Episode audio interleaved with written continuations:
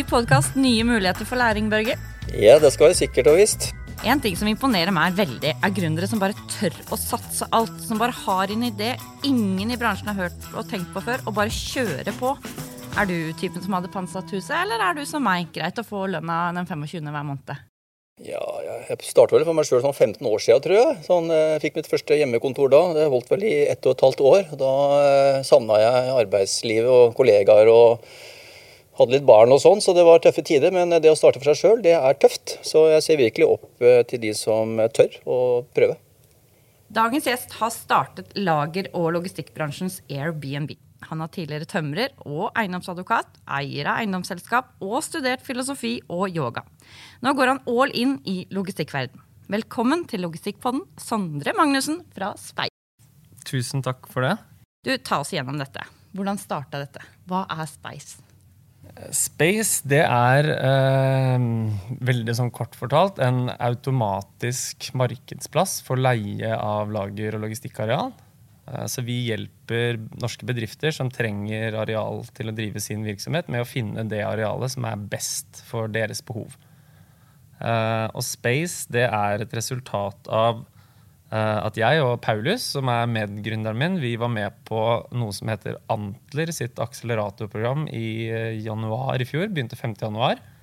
Um, der møttes vi, og det er en sånn um, gründerakselerator hvor du på en måte får seks måneder på deg til å leke gründer sammen med masse folk fra hele verden. Uh, og dersom du på en måte klarer å overbevise Antler om at du er inne på noe lurt og har et bra team, så investerer de i, i ideen din.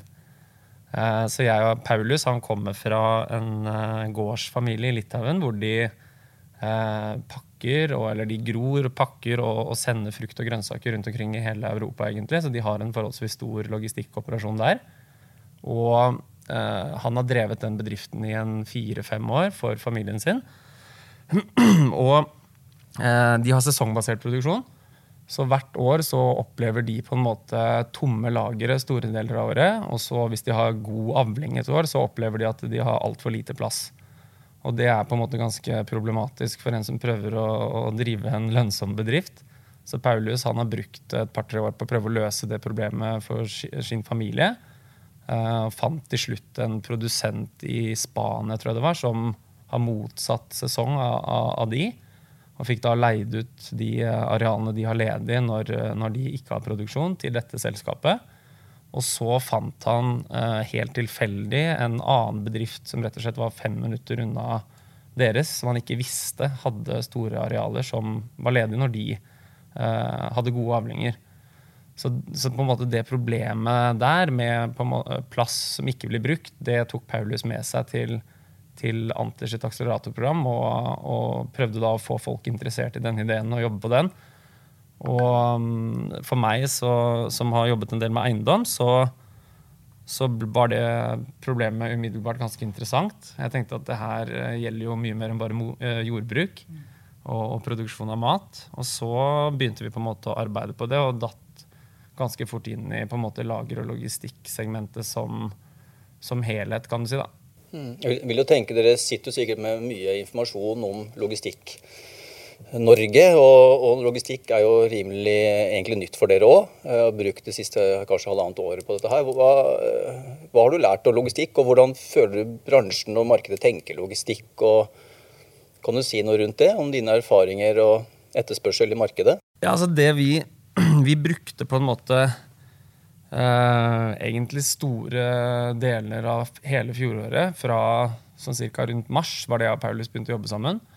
Uh, så brukte vi egentlig helt fram til ja, desember i fjor på å rett og slett teste, validere de hypotesene vi, vi, hadde, og lære å forstå hva som skjer i markedet, kan du si. Um, og det vi syns er så utrolig interessant, er i hvert fall sånn som vi ser det, så har du på en måte hatt den, den tradisjonelle lager- og logistikkbransjen, som på en måte har uh, humpet og gått i, i, mange, mange, mange år. Uh, men Den som vi kjenner veldig godt. ikke sant? Men det vi, og den er jo, er jo kjempeinteressant i seg selv, og, fra, og spesielt fra et eiendomsperspektiv, syns jeg. da. Eh, men det vi på en måte føler vi har validert veldig, er at uh, dette her uh, Eller kall det litt nye undersegmentet, eller nye delen av lager og logistikk, som går på urban logistikkvirksomhet, det er, det er på veldig god vei inn i markedet, og det kommer til å vokse helt ekstremt i, i tiden fremover. da. Så for oss, liksom, med litt sånn gründermentalitet, det at Um, altså, ikke sant Covid eh, gjorde jo veldig mye med, med, supply chain rundt omkring i verden, som vi mener at det på en måte har økt etterspørselen etter lokal uh, mulighet for å lagre og gjøre logistikk, eller nasjonalt, kan du si. Uh, I tillegg til at selvfølgelig e-handel har jo gått gjennom taket som følge av at man ikke lenger nødvendigvis kan gå på butikken og handle det man vil. Uh, I tillegg da til denne her nye urbane behovet for urban logistikk. Alt det på en måte samlet lager en sånn stor, perfekt storm, da, hvor det på en måte i teorien skal være ganske gode muligheter for å begynne å innovere. Men det med urban logistikk må forklare litt. for I utgangspunktet så tenker ikke dere 10 000 kvadratmeter på Gardermoen. Det er ikke de bygga dere Hva er urban logistikk? Eh, sånn som vi ser det, da, så er det liksom Nå har du det kommer en hel haug med nye tjenester uh, hele tiden, og har gjort det de siste året, to årene. som liksom, um, Det kan være hva som helst. Det er, altså, det er hjemlevering av mat, det er hjemlevering av varme måltider, det er uh, altså, reverse logistics, at du leier ting istedenfor å eie det. Du leier sykler, du leier turutstyr og må levere det tilbake, kanskje ikke på samme sted som du henta det. Eh, det er alle disse scooterne og e-syklene og alt dette greiene som du trenger for å komme deg på jobb om morgenen, eller skal du ha en bil for å komme deg til hytta. Alle disse nye tjenestene som på en måte vokser helt ekstremt egentlig i hele verden, de uh, Det er veldig ulike tjenester og produkter, men fellesnevneren for de er at de klarer ikke å levere sine verdiforslag med mindre de er midt i byen. Så alle scooterne som fyker rundt her i Oslo, de har lagerareal midt i byen for å ha kort vei til lading, kort vei til reparasjon. Uh, Foodora, alle som leverer mat, har smålagre eller satellittlagre rundt omkring i byen for å kunne reparere sykler, få, uh, få inn uh, leveringer med poser osv. Så, videre. så alle de her nye tjenestene de driver på en måte en uh, en etterspørsel etter lager- og logistikkareal, sånn som man tradisjonelt forstår det. Det gjøres lager- og logistikkoperasjon i arealet. Men arealet er ikke 3000 kvm på Gardermoen. Det kan være 50 kvm på Sankthanshaugen. Det kan være 400 kvm i Nydalen. Er det, er det, mange som sitter på en gullgruve her her her i Oslo? Og, og, Hva er ditt inntrykk i forhold til er det nok, liksom, er, er det nok lager i Oslo? Og kan du si litt om det? Liksom, uh, Fins det noen skjulte perler inne i sentrum her? Jeg tror, jeg tror hvis, hvis, jeg hadde Før så jobbet jeg på en måte med eiendom, kan du si, og ikke med si, teknologi i eiendom. Og hvis jeg hadde jobbet med eiendom og, og det kjøp og utleie av eiendom i dag, så ville jeg nok prøvd å kjøpt så mye førsteetasjeslokaler jeg bare kunne her i byen. For det er ikke, det er ikke voldsomt mye av det. Altså, um, altså hvis man titter litt kanskje ut i Europa, da, i England eller Tyskland eller Frankrike, eller noe sånt, så ser man det at uh, konvertering av areal, typisk at uh, handelslokaler, retail og sånne ting, blir det som har gjerne store, flotte glassvegger med utstillingsvindu og sånn, det blir på en måte tapetsert, og det blir satt inn en, en enkel port eh, som har litt bedre plass enn en vanlig dør for kunder. Det skjer.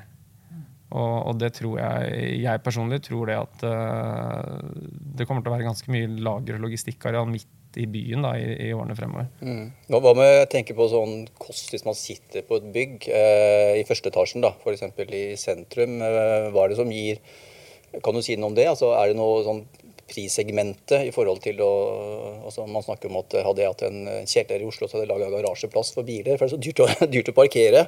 Eller liksom har du en butikk, så skal du ha butikkleie, og så har du da lager. Så det er liksom hvor, hvor, liksom, hvor altså Kan du si noe om prissegmentene og sånn? Hva du tror om det, eller i til Ja, altså vi, vi, vi, vi vet jo hva folk betaler, så, så jeg, det er jo litt jeg tror det, man er i en litt sånn overgangsfase, fordi gårdeier er vant til en type eh, leie for en type lokale.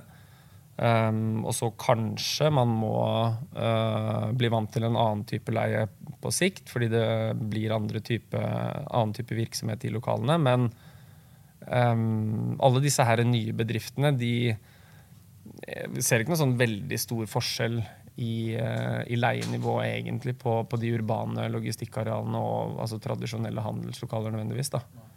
Men så er det ikke, ikke sant, Det er ikke i Karl Johan, f.eks. Nei, det er ikke sant. Selvfølgelig ikke. Så det er gjerne, men ikke sant, alle disse litt mindre sidegatene, gjerne hvor det på en måte ikke er enveiskjøring alle veier, sånn at det er helt umulig å få levert ting og sånn. Men ikke sant, hvis du er um, tre, fire, fem gater fra en hovedgate, da, så er det fortsatt et ekstremt spennende lager- og logistikkareal, og kanskje ikke et like spennende handelslokale. ikke sant? Så det er, jeg tror man kommer til å se eller vi har sett det allerede, holdt jeg på å si, men jeg tror det, det er en trend. Uten tvil. Airbnb. Um, det er jo det som dere lager, og logistikkverdens Airbnb. Det er jo det man ofte leser om dere. Uh, det kommer jo med gafler og bestikk og seng. Uh, men det er egentlig tomme, tomme lagre. Dere, vi er jo så glad i reoler, så vi vil jo snakke om det hele tida. Det er liksom bygget og, og lageret dere er uh, i, i utgangspunktet, ja. av. Mm. ja. Vi fokuserer på en måte på eller veldig sånn kort fortalt, det vi gjør, vi bruker eh, en del forskjellige datakanaler. Og vi liksom jobber hele tiden for å finne nye informasjonsgrunnlag, kan du si, eller datasett. Eh, og så pakker vi det sammen i en stor boks og på en måte renser den og, og forstår den med eh, lager- og logistikkbriller. Slik at vi, hvis du har en bedrift som, som, som trenger uh, lager- og logistikkareal til din virksomhet, så registrerer du deg hos oss og forklarer oss hvem du er og hva du driver med. Og så kan vi på en måte ta dette behovet ditt gjennom en database som, som på en måte kartlegger hva som faktisk fins uh, av areal. Og så basert på, på, på, på, din virksomhet så finner vi hva som er det beste alternativet. Nå, Hva er ledig, hva blir ledig i fremtiden osv. Mm. Men da arealet Og altså om, om, din bedrift har behov for reoler, så finner vi de arealene som enten har eller kan få satt inn reoler. Ja, jo, men jeg tenker på hvis sånn type, I dag er det jo mange sånn type trepellaktører. Eh, men klart, de, de, er jo gjerne store. altså Selvfølgelig Bring og disse her. Mm. og Prime Cargo, Collier og sånne. Og så har du selvfølgelig mange mindre eh, trepellaktører også. Men er de på en måte, ser du på de som en slags eh, konkurrent, eller kanskje som en samarbeidspartner, eller hva? Ja, egentlig, egentlig så håper vi Eller vi har for så vidt også gjort det eh, to ganger. Av, og funnet areal til en tredjeparts logistikkleverandør. Så vi på en måte zoomer et uh, hakk ut og ser på, på en måte bygget hvor operasjonen skal foregå. Så hvis en tredjeparts logistikkleverandør trenger å, å si, utvide, eller hvis de har si, lavt belegg og vil eh, tilby sine tjenester eller plassen sin, så kan vi på den ene siden hjelpe dem med å finne mer areal, eller vi kan på den andre siden hjelpe dem med å, å finne brukere eller leietakere av arealet eller tjenesten. da. Så, så, på absolutt ingen måte noen konkurrent, heller det, eller forhåpentligvis en kunde. holdt jeg på. En kunde av dere, ja. ja. Men uh, det som er litt nytt med dere, er jo kanskje tidshorisonten. At man kanskje i utgangspunktet ikke må leie for ti år. Åssen uh, er det dere tror dere får med næringen og eiendomseierne til å kanskje ta litt uh, kortere leietid da, for sesong og diverse? Ja, altså, um, med, med, på en måte etablerte eiendomsselskaper så er det jo ikke noe hemmelighet at korttidskontrakter ikke nødvendigvis har vært så veldig populært. i hvert fall. Men jeg tror eh, Eller i hvert fall, vi har på en måte leid ut en del korttidsarealer. og og en del det vi kaller langtidsarealer, men det er leiekontrakter som er under ti år. Eh, men alt ifra Jeg tror det korteste leieforholdet vi har formidlet, er vel rett og slett én måned. Eh, som et norsk oppstartsselskap som driver med, med robothjul, av alle ting, og, og trengte et testlokale. Um, og da var det et, eh, et, logistikkselskap som hadde ledig plass, eller lavt belegg akkurat på det tidspunktet, og kunne leie ut en plass i en måneds tid. Og, og spe på inntjeningen, eller få bedre marginer, holdt jeg på å si. da. Um, helt opp til ja, eller ti år er den lengste kontrakten vi har formidlet. Men det er liksom ikke egentlig der vi fokuserer til å begynne med. Um, men det som på en måte er interessant, syns vi, da, det er at um, etablerte eiendomsselskaper i anførselstegn er nødvendigvis trenger nok noe mer opplæring og, og, og bli vant til ideen om mer fleksible kontrakter. Um, og det er jeg helt overbevist om, om, at det kommer. Altså, alt peker i retning av mer fleksibilitet, og, og, det tror jeg på en måte at eiendomsbransjen må uh, venne seg til. Men så en annen ting som vi synes er interessant, er nettopp dette her med f.eks. tredjeparts logistikkleverandører eller andre selskaper som eier egne areal, og som bruker de til sin lagervirksomhet, rett og slett. De er ikke eiendomsselskaper i ordets rette forstand. Men eh, det vi prøver å få til, er å på en måte muliggjøre utleie for de også. Eh, så ved å på en måte håndtere en del prosesser på plattformen vår, så kan du på en måte da, som eh, en hvilken som helst bedrift med lagerareal, da bli et eiendomsselskap og leie ut i de periodene som, som du har lavt belegg, eller som passer for din bedrift. Da. Og da blir det bærekraftig? Da blir det bærekraftig. Altså, vi, syns, vi tenker jo, eller jeg tenker jo det er bærekraftig eh, altså Med min eiendomsbakgrunn så er det jo sånn um, Det er jo en voldsom etterspørsel etter lager- og logistikkareal. Og vi, vi, har vel godt over 200 000 kvadratmeter registrert hos oss som PT er ledig. I tillegg til hvis du tar en rask gjennomgang på Finn, så er det ganske mange tusen kvadratmeter som står ledig til enhver tid. Og så er det nå engang sånn at det å bygge nye areal, det fører med seg en hel haug med utslipp. Og det gir liksom lite mening at du på den ene siden har masse ledig areal, og på den andre siden bygger en hel haug areal. Selvfølgelig kan du ikke eh, møte behovet til de nye arealene med alle mulige ledige areal, men jeg tror ikke det er sånn at alt tomt areal er ubrukelig, for å si det sånn. Så på en måte å få aktivert disse arealene i markedet og få høyere belegg på de, eller få leid de ut oftere, det tror jeg har en veldig positiv effekt sånn miljømessig. Og så tror jeg for bedrifter som sånn som jeg nettopp nevnte, som eier areal, men som ikke nødvendigvis har 100 eller 80% belegg, eller at de har perioder av året hvor det rett og slett er tomt, så vil det på en måte være økonomisk bærekraftig for de å få leid ut. Uh, leid ut da.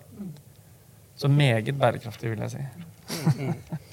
jeg skulle si at um, det her med um, altså Når vi snakker litt om det, hvordan man tanker har om bransjen og, og sånn, men uh, føler du at det er en litt sånn lukka bransje, altså logistikkbransjen? Altså er, eh, altså er, de klar for dette her, tenker du? Altså, eller ser dere at dere har på nå en unik mulighet til å på en måte ta markedet på Altså, man, man, man er tidlig ute, hvis du skjønner hva jeg mener? Mm.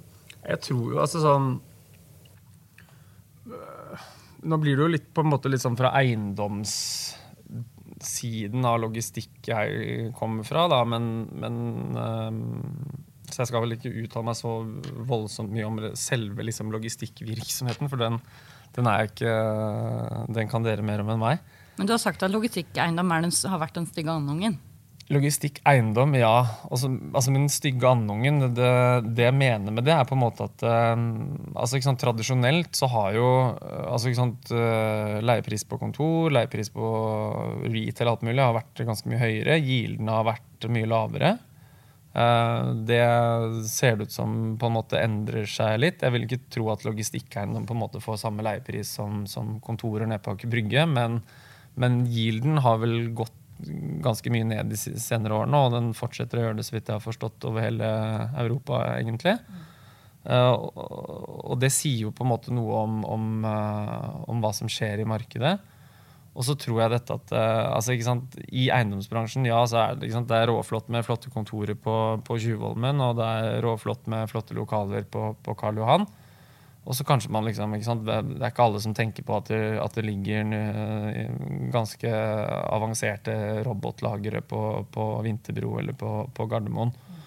Um, men jeg tror, i hvert fall sånn som jeg ser det, utviklingen som har vært med netthandel, og også dette her urbane logistikkbildet, tror jeg gjør at, uh, at uh, folk får opp øynene for egentlig hva logistikkeiendom er. da.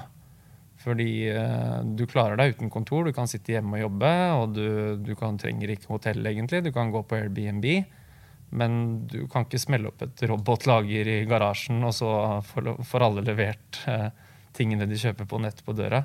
Så jeg, stygge andungene er jo litt sånn flåste sagt, men jeg tror på en måte um, jeg tror på en måte folk kommer til å se ganske annerledes på den type eiendom og den virksomheten i tiden fremover, da, i og med at måte verden utvikler seg på den måten den gjør.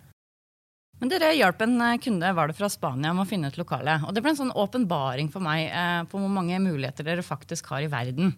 Kan ikke du fortelle litt om, fortell, fortell om den? For den var så lærerik. Jo, absolutt. Det er, det er, eh, et selskap som heter Elecnor. Og det er liksom, altså logistikken deres er på en måte ikke sånn nødvendigvis uh, kjernen av når man tenker logistikk med, med levering av pakker eller uh, og sånne ting. Det er mer enn de har en ganske sånn strømlinjeformet logistikkvirksomhet med tanke på prosjektene de utfører. Fordi det Elecnor er, er på en måte egentlig spanske Statnett. på en måte. Det er et stort eh, børsnotert selskap i Spania som gjør infrastruktur, strømprosjekter rundt omkring i hele verden.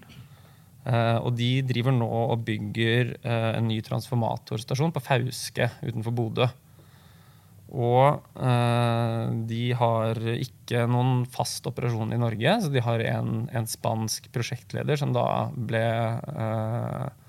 eh, si, satt til å finne arealene Elecnor skal bruke når de skal bygge ut denne trafostasjonen. Og det er et prosjekt i ja, bortimot en halv milliard kroner, så det er ganske mye utstyr som skal på plass. Og det er en ganske stor operasjon med med leveringer fra hele verden som så skal inn i et bygg, og som så skal videre ut til plass etter å følge en veldig gitt timeplan da, med arbeid. Um, så Elecnor de hadde i utgangspunktet tenkt til da å leie et lagerareal her i Oslo. Og så hadde de tenkt å kjøre ca. 450 semitrailere fra Oslo til Bodø, da over på en måte Saltfjellet og, og opp til denne, dette vannkraftverket som ligger på, på Fauske.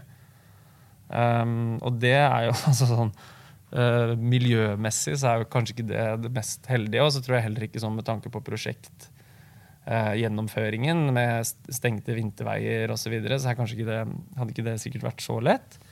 Uh, men de fant oss da gjennom, gjennom noe av markedsføringen vi hadde gjort, og så fant vi eller databasen vår fant et areal i Fauske som egentlig var til salg.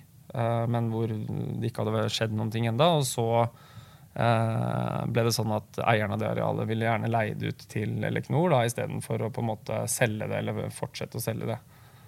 Um, og da kom de på plass. Ti minutter cirka kjøretid da, fra hvor dette prosjektet ligger, og, og, er nå i gang med å bygge ny transformatorstasjon på Fauske. Det er jo så genialt. Ja, veld, veldig, uh, veldig gøyal case. Og, og, og, det som på en måte er uh, veldig gøy med det for oss, er at det, det er en veldig, uh, veldig, godt bevis på at det vi prøver på, på en måte funker. Da. Det arealet her fant du ikke på Finn, og du fant ikke noe annet sted. Men fordi vi samler informasjonen vi gjør noen steder, så kunne vi på en måte eh, forstå at her er det et areal som, som, er ledig, og som mest sannsynlig kan uh, igjen, For eieren så betyr dette her økt inntekt på, på, et areal som rett og slett bare står brakk og venter på å bli solgt. Og for Elecnor som betyr det noe lavere leiepris enn i Oslo, men også da besparelse med tanke på utslipp fra, fra transport osv. Og, så og ikke minst mindre prosjektrisiko. da. Kunne det ha fungert i Oslo, tror du òg? Altså litt, sånn, litt store prosjekter? At man uh, hadde gjort det samme? Altså ja, jeg tror det. Kanskje, altså, kanskje vanskelig å finne areal midt i Oslo, men det er, det er ganske mye interessant areal ut, rett utenfor Oslo som, som, på en måte kan brukes til, til, en del av disse. Vi ser altså noen av selskapene som er registrert hos oss, f.eks. Obos. ikke sant? Nå, overalt, uansett i hvilken bransje man er, så blir det på en måte mer og mer eh, viktig med, med, bærekraft med tanke på miljø og gjenbruk av ting. Så en ting vi ser som vi syns er spennende, er at uh, veldig mange eiendomsutviklere de istedenfor å rive bygg og bygge nye sånn som de har gjort i alle år, så plukker de ned ganske mye av, av de eksisterende byggene og gjenbruker de i andre prosjekter. Um, og det, den operasjonen krever en del lagerareal. Og da blir det på en måte litt vår jobb da, å finne ut hvor de lagerarealene er. Hva er nærmest uh, neste byggeplass osv. Så, videre. så Så absolutt. Hvor er dere om fem år? Om fem år så er vi eh,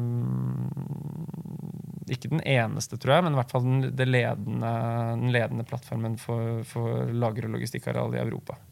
Det er så kult. Ja, det er tøft. Hæ? Men eh, vi har også med oss vår egen Eirik Toft i dag. Han har mange års erfaring og meget god innsikt i hvordan et logistikkbygg bør se ut. Velkommen igjen, kjære Eirik Toft. Tusen takk. Det var voldsomt introduksjon. Um, Hva tenker du om eh, space og mulighetene i bransjen? nei, jeg syns det er spennende. Kjempespennende. Um, Airbnb har jo vært en stor suksess, må vi kunne si. Generelt. Men jeg må jo også innrømme at jeg sto som et spørsmålstegn. Jeg hørte om det første gangen. Googla, leste litt og tenkte ja. Men etter å ha hørt på Sondre nå, og Sondre fortalte meg også at vi hadde snakka sammen for et år siden, så da har vi jo tydeligvis funnet tonen. Så da, da syns jeg jo at, um, at, det er kult at de drar i gang noe sånt. Og gudene skal vite at uh, det er en del etablerte virksomheter som trenger litt grann nytenkning. Um, vi ser jo det at Noen aktører innen eiendom de lager jo egne kopier av det vi kaller minilagre, som vi privat leier. ikke sant? Så Det finnes jo en del som bygger store bygg som de da deler inn med bur holdt jeg på å si, og med felles fasiliteter som trøkk og, og sånne ting. da, Ramper og, og, litt sånt. Men i dag morges må jeg jo innrømme at jeg heva øyebrynene litt. For det var jo ikke så rart, for det var jo sånn inne på, men jeg så at Leieprisen for kontor på Manhattan synker med 25% Og det eh, er jo litt interessant. Fordi det sier, jo, det sier jo litt om pandemien og hva den har skapt, faktisk gjort med oss i forhold til hjemmekontor og, og den, den, biten der, da. Men nå er det jo sånn da at logistikkvirksomhet funker jo dårlig med hjemmekontor. Logistikkvirksomhet er rett og slett hands on. Der er vi, og der, der skal det håndteres varer inn og ut og det hele. Og det er jo spennende. Og jeg tenker veldig, at det er veldig spennende det du snakker om i Oslo sentrum. da. At det liksom der får du utleveringspunkt og pick up points og sånne ting som det kalles på godt norsk.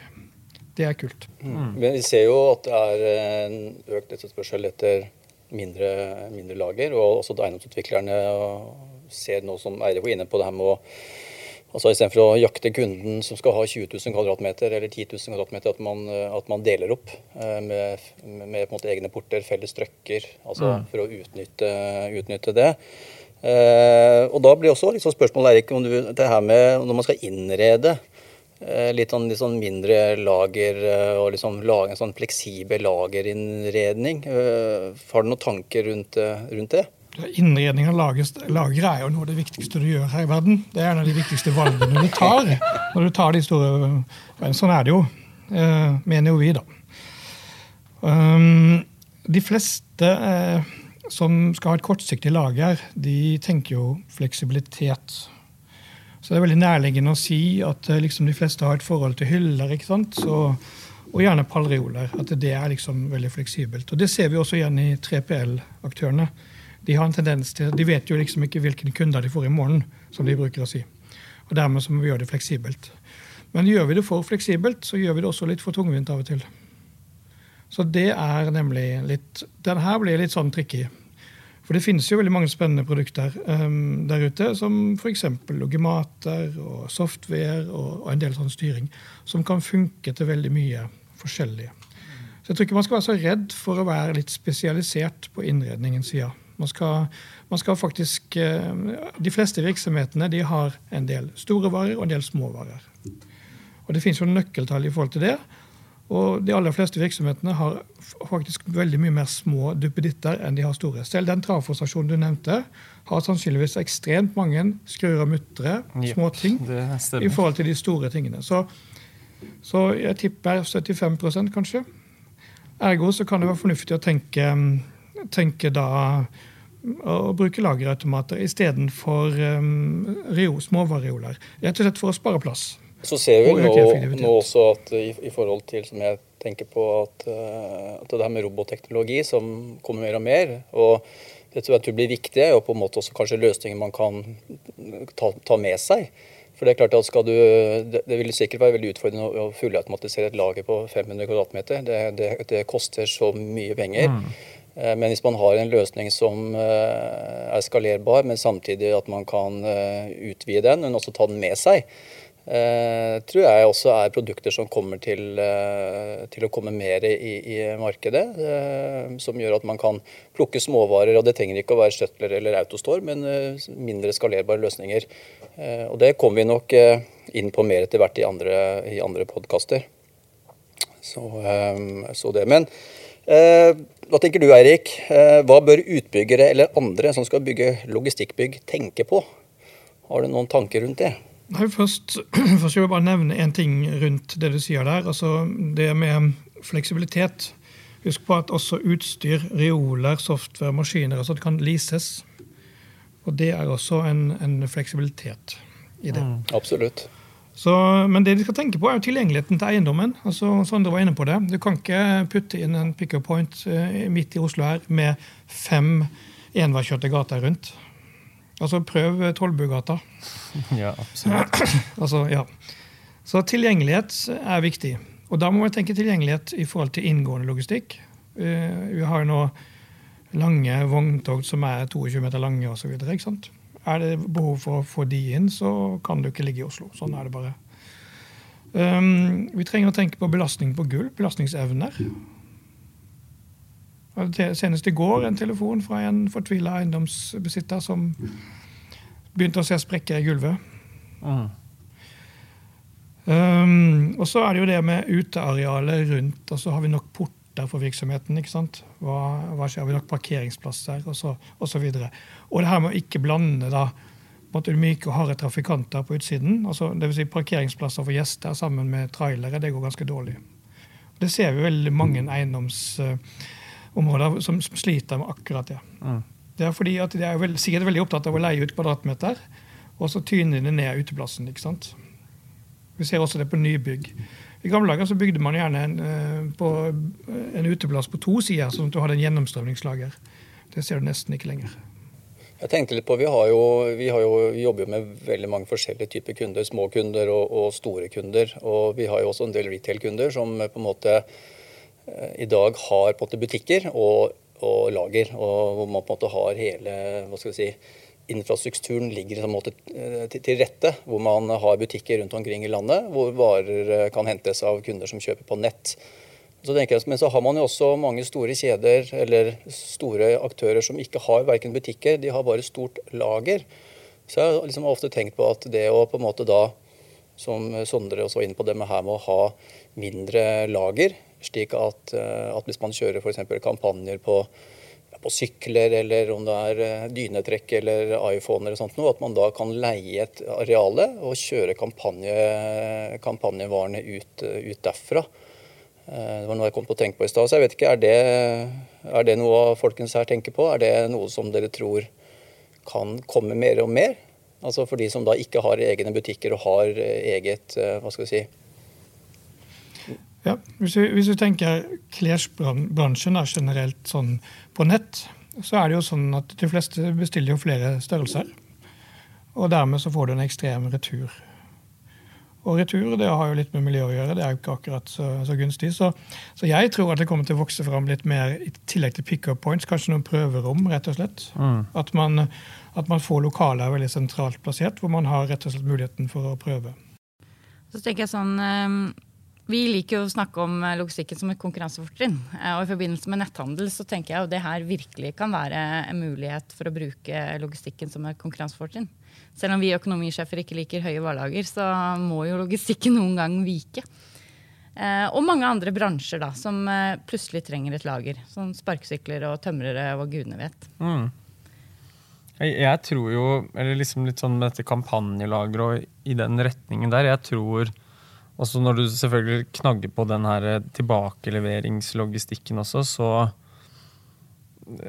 Altså, det, det, kommer jo mye ting. Du har jo liksom eh, selskaper som for liksom Porterbuddy, eksempel, som på en måte pga. informasjonen og dataen de sitter på, vet hvilke ting de på en måte kan fremlage, og så leverer de på under en time osv. Så, videre. så jeg, jeg, tror at uh, denne her altså For å på en måte kunne levere alle disse, disse, tingene man handler på nett osv., så, videre, så tror jeg at man Sånn som Erik sier, at uh, du, du, trenger kanskje en litt mer sånn uh, desentralisert løsning, hvor flere aktører kan være på samme sted. og hvor du på en måte eh, muliggjør litt mer sånn bulklevering av ting da, for flere aktører på ett eller flere mindre steder i byen, for å på en måte begrense, som nettopp du var inne på, det med på en måte logistikken inn. Og så kommer det jo et, et utall av på en måte sånne last mile-løsninger som gjør den siste mils leveransen, enten med sykkel eller hva, hva det måtte være for noe. Så jeg, eller jeg, Titter man på Frankrike eller Paris eller London, eller sånn, så, så har, er det jo godt i gang med å bygge ut mer sånne på en måte last mile-sentre til leie, hvor du på en måte på fleksible avtaler som bedrift A eller B eller X kan leie deg en bit av arealet, og så er det på en måte en sentral leveringstjeneste som alle kan knagge seg på, liksom. Så sant, Oslo er jo noe mindre enn en del europeiske byer, men, men eh, jeg tror ikke Oslo-borgerne har noe mindre krav enn en, en folk som bor i Berlin eller Paris. Så eh, det må på en måte komme etter hvert. fordi altså, Snart så er det ikke lov å kjøre bil i byen engang, og, og, og da må man finne gode løsninger på Jeg vet ikke hvor mange tusen lastebiler det er som flyr rundt her og leverer varer hver dag, men det må på en måte effektiviseres. da. Og da, det, da må man uh, ha på plass uh, ordentlige logistikkløsninger, både for areal og, og virksomheten. Liksom. Men uh, hvis jeg er utbygger og skal bygge logistikkbygg, hvor skal jeg bygge? Hva skal jeg bygge? Tenker jeg, dere begge? Ja, jeg, jeg, holder jo hånda i været for urban logistikk. Da. Så hvis jeg hadde, hadde hatt et eiendomsselskap, så ville jeg, ville jeg forsøkt å spesialisere meg på det. Absolutt. Toft? Nei, Det kommer jo litt av på virksomheten og behovet, selvfølgelig. Altså, du kommer ikke utenom at det er noen som trenger store lokaler med store takhøyder og med riktige søyleavstander osv. Men, men det, er, ehm, det er jo interessant å kombinere det. og Vi ser jo også en del av de som lykkes med netthandel, som har omni-channel, som det kalles. Altså det å ha, benytte butikken eh, sin som en del av den kjeden der, lykkes veldig godt. Og det er interessant. Og, så ja, ja takk, begge deler, sier vi som driver innreder det her. Vi vil gjerne ha mest mulig logistikkbygg. For all del. Det er klart. Som nevnt i en tidligere episode skal Logistikkpodden kåre årets lagermedarbeider 2021. Vi har plukket ut en jury bestående av Maiken Kallesen fra Logistikkforeningen, vår egen Eirik Toft og Rolf Johansen fra Prinsessgruppen. Nominer en kollega, en ansatt som kanskje har kommet med forslag til forbedringer, er utrolig rask eller skaper et fantastisk arbeidsmiljø. Vinner får heder og ære i Logistikkpodden, og ikke minst et gavekort på 5000 kroner man ikke må bruke på sklis. Du bør ikke skrive en roman, men send oss noen linjer til post at logistikkpodden.no, der du skriver en kort begrunnelse på selskapet man jobber i, og kontaktinfo. Husk å abonnere på podkasten. Tusen takk til dere, Sondre og Eirik. Takk for i dag. Takk for i dag, folkens. Takk for i dag. Takk for i dag.